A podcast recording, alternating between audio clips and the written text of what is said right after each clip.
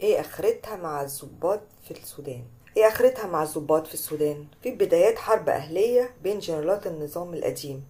آلاف المصابين ومئات الموتى في صفوف المدنيين وبدايات أزمة إنسانية كارثية غير مسبوقة مع انهيار المنظومة الصحية وانقطاع الكهرباء ونقص المياه والغذاء. جنب المأساة دي نجد مسخرة تصريحات الجنرالين المتحاربين برهان وحميدتي. كل منهم بيدعي إنه بيدافع من خلال الحرب دي عن مشروع الانتقال إلى الحكم المدني الديمقراطي. في تحليلات بتشير إلى أن سبب اندلاع الحرب الآن هو وصول الخلاف الحاد بين الجنرالين حوالين الفترة الانتقالية لدمج قوات حميدتي في جيش برهان البشير. وصلت لطريق مسدود. حميدتي بيقول عشر سنين وبرهان بيقول سنتين. الخلاف ده بالطبع حقيقي ولكن مسألة الدمج دي مطروحة من حكم البشير. فدلوقتي السؤال الأكثر أهمية هو الخلافات دي ليه بتؤدي لحرب حاسمة الآن بين الطرفين؟ إزاي وصلنا للنقطة دي؟ ربما يكون من المفيد في البداية إن نتذكر المراحل التي مرت بها الثورة السودانية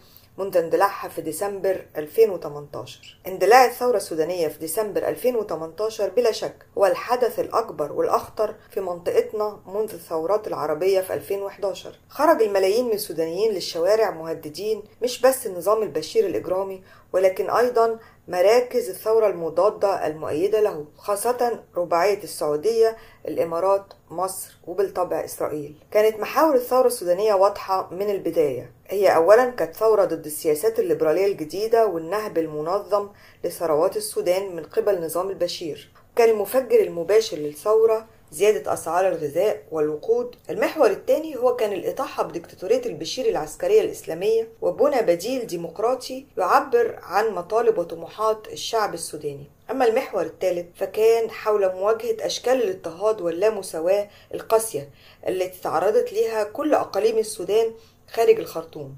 فضل النظام البشير ينهب ثروات السودان من جميع أقاليمها الشاسعة لصالح تحالف العسكر ورجال الأعمال وشركائهم. الخليجيين مع تجويع سكان تلك الأقاليم وأيضا اضطهادهم وشن الحروب والمجازر ضدهم على أسس دينية وعرقية. اللي كان بيميز الثورة السودانية عن ثورات 2011 هو درجة الوعي والتنظيم الاستثنائية للجماهير. تجمع المهنيين لعب دور بارز في التعبئة والحشد وتنظيم الإضرابات والأهم من ده هو تشكيل لجان المقاومة في كافة المدن السودانية والتنسيق ما بينها مش بس للحشد والتعبئة ولكن أيضا للتنسيق والمناقشة الديمقراطية القاعدية حول القرارات. لكن جنرالات البشير بدأوا من اللحظة الأولى التخطيط للثورة المضادة في تنسيق يكاد أن يكون علني مع النظام المصري من جانب وحكام الإمارات والسعودية من الجانب الثاني واستعانوا بالطبع بالنموذج المصري للثورة المضادة.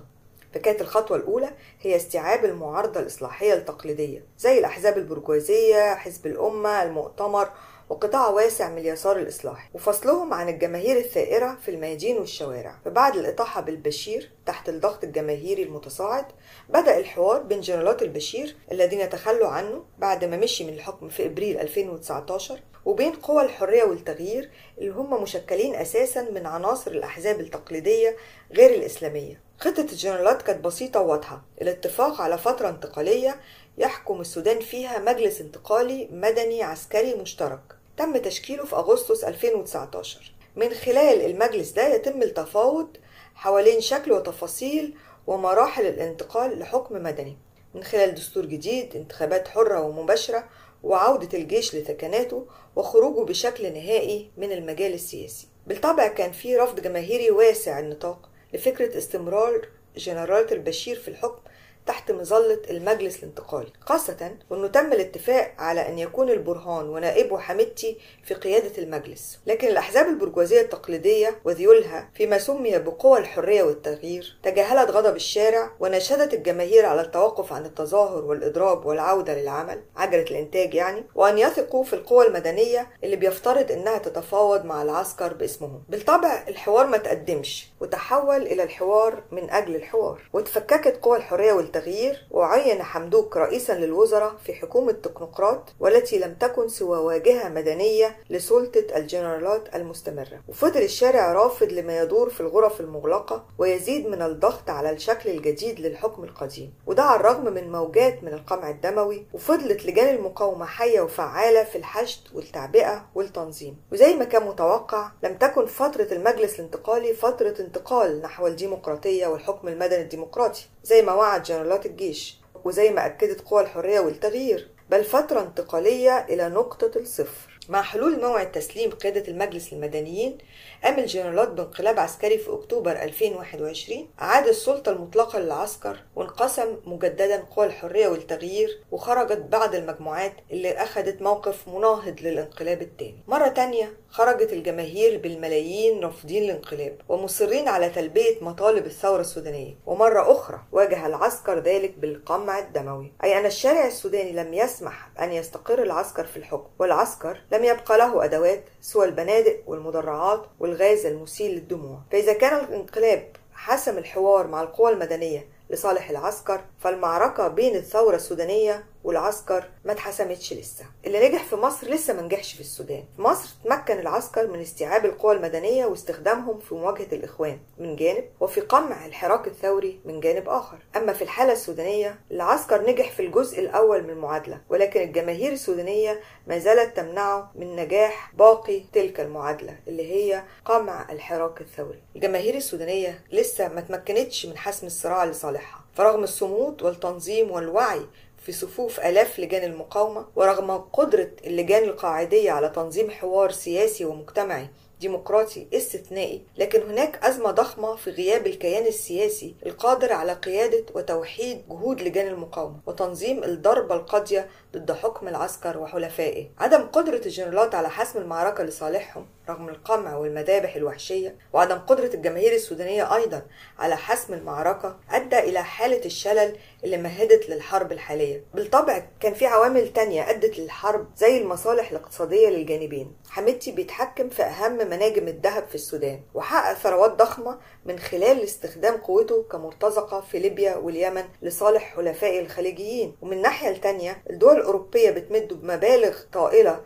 للمساعدة في منع الهجرة غير الشرعية إلى القارة الأوروبية. أما برهان فبيتحكم في إمبراطورية اقتصادية كبيرة خاصة في مجال الزراعة حيث يشارك رأس المال الخليجي في مزارع شاسعة. وهناك أيضا على المستوى الإقليمي حالة سيولة في تحالفات المنطقة وتحولات مواقف القوى الإقليمية الرئيسية زي السعودية والإمارات وإسرائيل والقوى الثانوية التابعة زي مصر. كل تلك القوى لها مصالح في السودان كلها مع العسكر بالطبع لكن بعضها مع جناح حميدتي وبعضها مع جناح برهان. على المستوى العالمي في أيضا صراعات جيوستراتيجية تجد صداها في المعارك الحالية في السودان فتراجع الدور الأمريكي في القارة الأفريقية وصعود الدور الصيني والروسي والتوترات الحالية بين الغرب وروسيا حوالين حرب أوكرانيا وبين أمريكا والصين حوالين كل شيء تقريبا كل ده بيساهم في إمكانية حدوث وتصعيد الصراع على السلطة في السودان. ولو رجعنا للداخل السوداني وهو السياق الأهم لفكرة الحرب الدائرة المشكلة بالنسبة للعسكر هو عدم قدرتهم كما وضحنا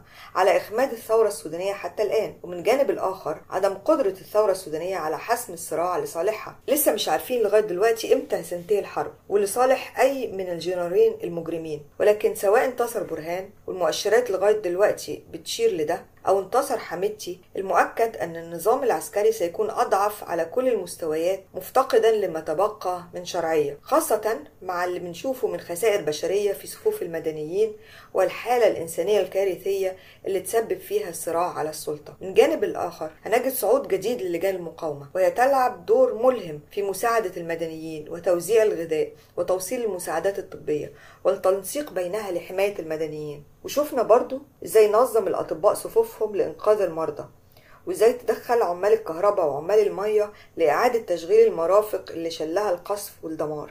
العسكر هيخرج من الحرب دي أضعف كتير مما كان عليه ولقان المقاومة هتخرج أقوى بشكل عام وأكثر قدرة على الصمود. لكن التحدي زي ما إحنا عارفين من التجربة المصرية تحدي كبير وصعب. إزاي توحد لجان المقاومة والتشكيلات العمالية والمهنية صفوفها عشان تستعد للموجة القادمة من الثورة؟ إزاي هتحل معضلة التنظيم السياسي الثوري؟ كل دي أسئلة مش هيتجاوب عليها إلا ثوار السودان اللي بهرونا مرة بعد تانية بصمودهم وصلابتهم وقدراتهم التنظيمية.